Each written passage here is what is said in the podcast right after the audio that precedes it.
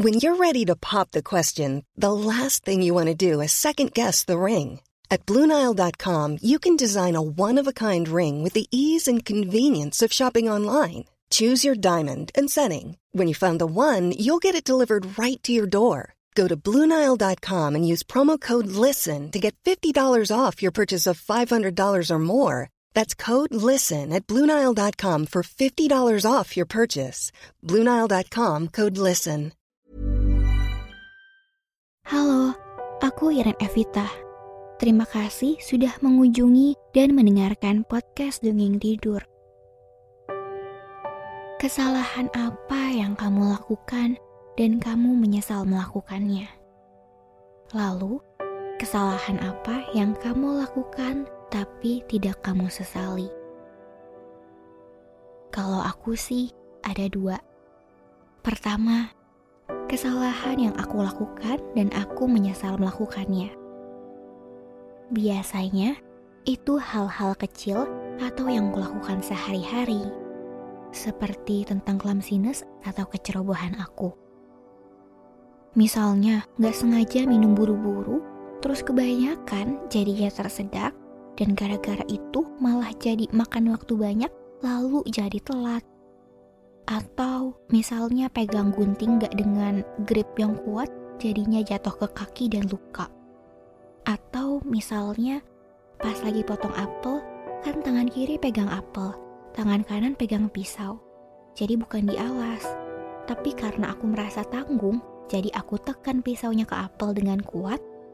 Karena aku pikir bisa tahan kekuatan untuk berhenti di titik tertentu. Tapi gagal dan kekuatan yang dipus maksimal itu emang gak bisa direm gitu aja. Jadi telapak tanganku berdarah deh kena pisau. Terus pernah juga gak sengaja kasih makan teman aku pop mie basi. Jadi tuh teman-teman SMP aku kan dulu sering ke rumah buat main game bareng. Aku sering bilang kalau mau makan atau minum ambil aja. Mereka tahu selalu ada stok Indomie, pop mie atau sedap gitu di dapur. Suatu hari, entah mereka atau aku yang lagi gak hoki, terus mereka makan pop mie kan seperti biasa. Nah aku kan dulu kan suka mah, jadi menghindari mie instan, makanya gak aku cek-cekin dong masa expirednya. Ternyata yang mereka ambil itu yang udah expired. Dan mereka tuh kayak udah makan seperempat. Untungnya sampai sekarang mereka baik-baik saja. Yang kayak gitu yang aku merasa bersalah. Pokoknya kalau aku merugikan atau menyulitkan orang lain, aku tuh merasa bersalah banget dan aku sangat menyesalinya. Nah, yang kedua, kesalahan yang aku lakukan tapi tidak aku sesali. Biasanya itu tuh hal-hal seperti pengalaman, momen yang membuatku berkembang.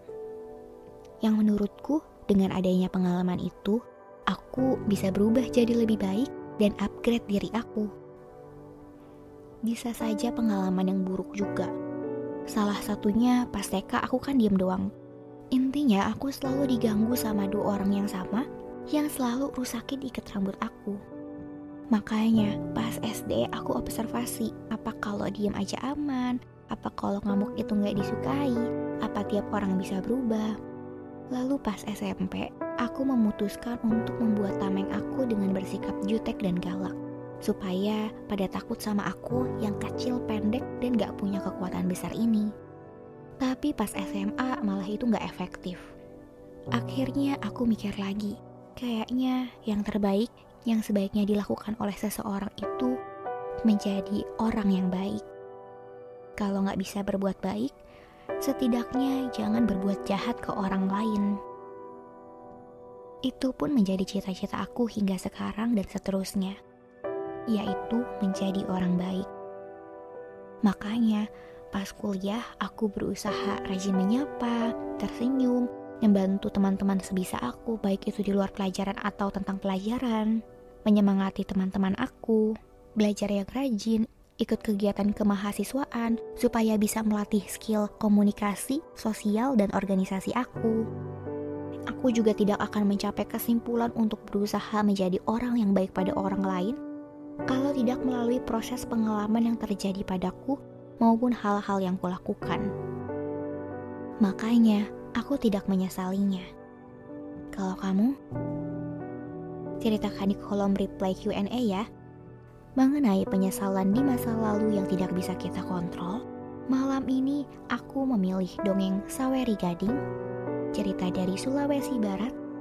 Semoga lekas tidur dan bermimpi indah. Dahulu kala, bumi adalah suatu tempat yang sangat luas dan belum dihuni oleh siapa pun. Raja Langit yang bernama Lapatigana bermusyawarah dengan keluarga kerajaan serta beberapa anggota kerajaan langit yang juga dihadiri oleh Sendri Jawa dan Peretewi yang berasal dari alam gaib. Saudara-saudaraku, bumi adalah tempat yang sangat luas dan indah. Tapi kulihat tidak ada seorang manusia pun yang hidup di bumi. Sangat disayangkan jika keindahan bumi tidak dikelola dan dimanfaatkan sebaik mungkin.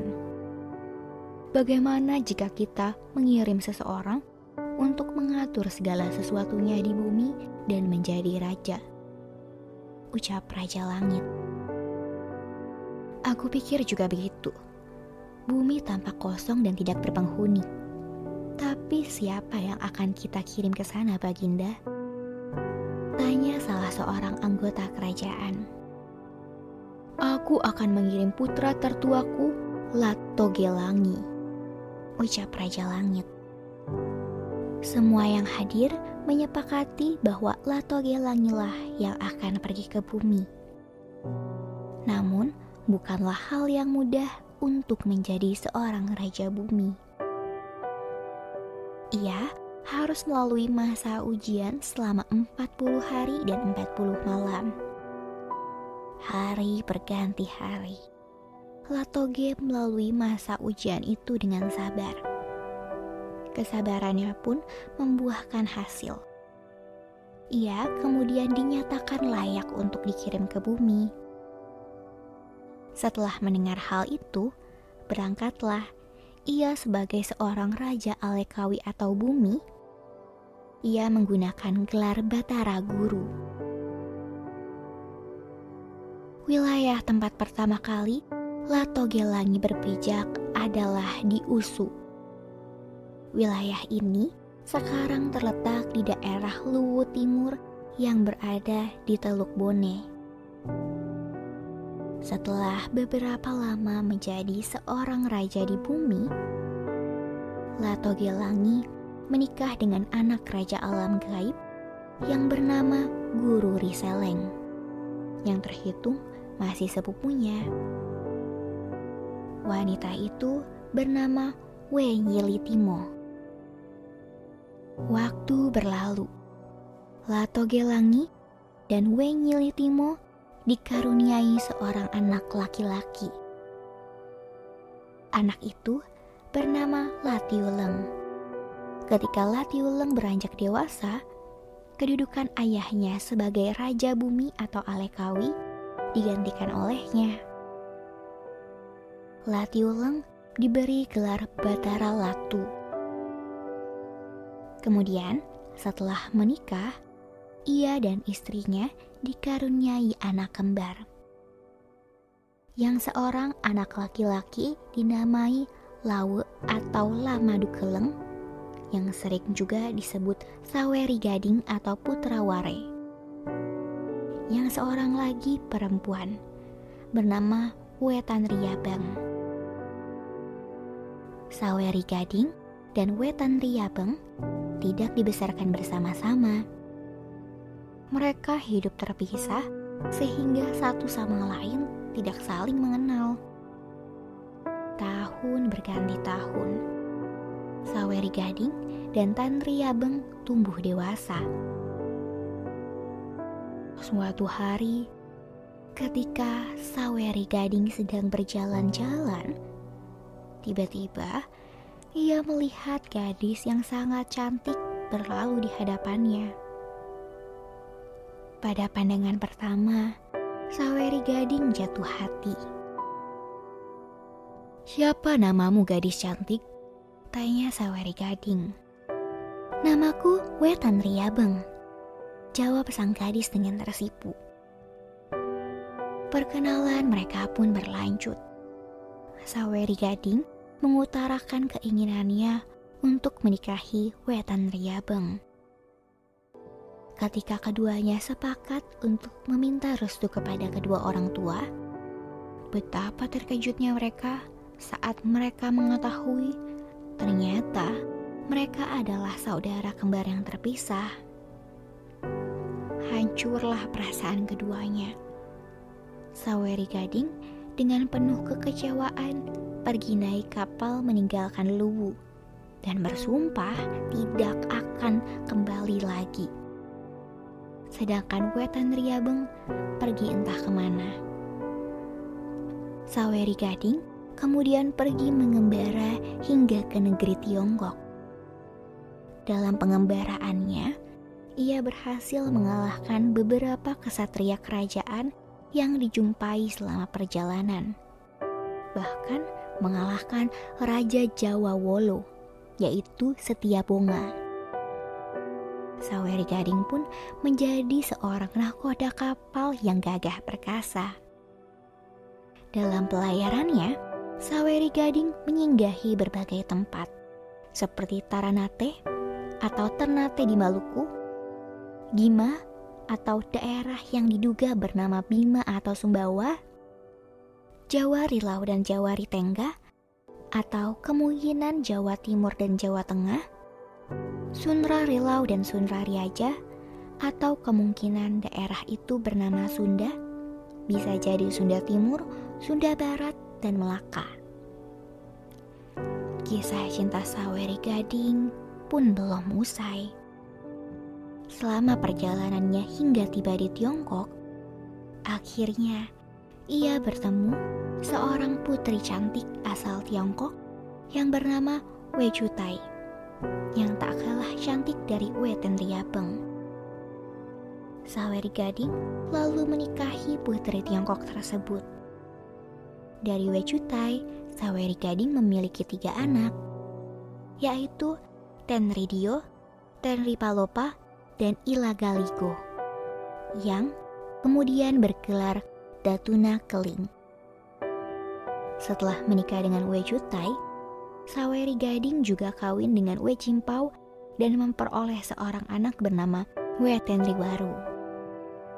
Ketika Ila Galigo beranjak dewasa, ia mengikuti jejak ayahnya menjadi seorang nakoda kapal. Namun, ia tidak pernah menjadi seorang raja. Ila Galigo memiliki empat orang istri dari berbagai negeri. Ia pun dikaruniai anak yang salah satunya bernama Latenritata. Latenritata adalah keturunan terakhir yang dinobatkan di Luwu.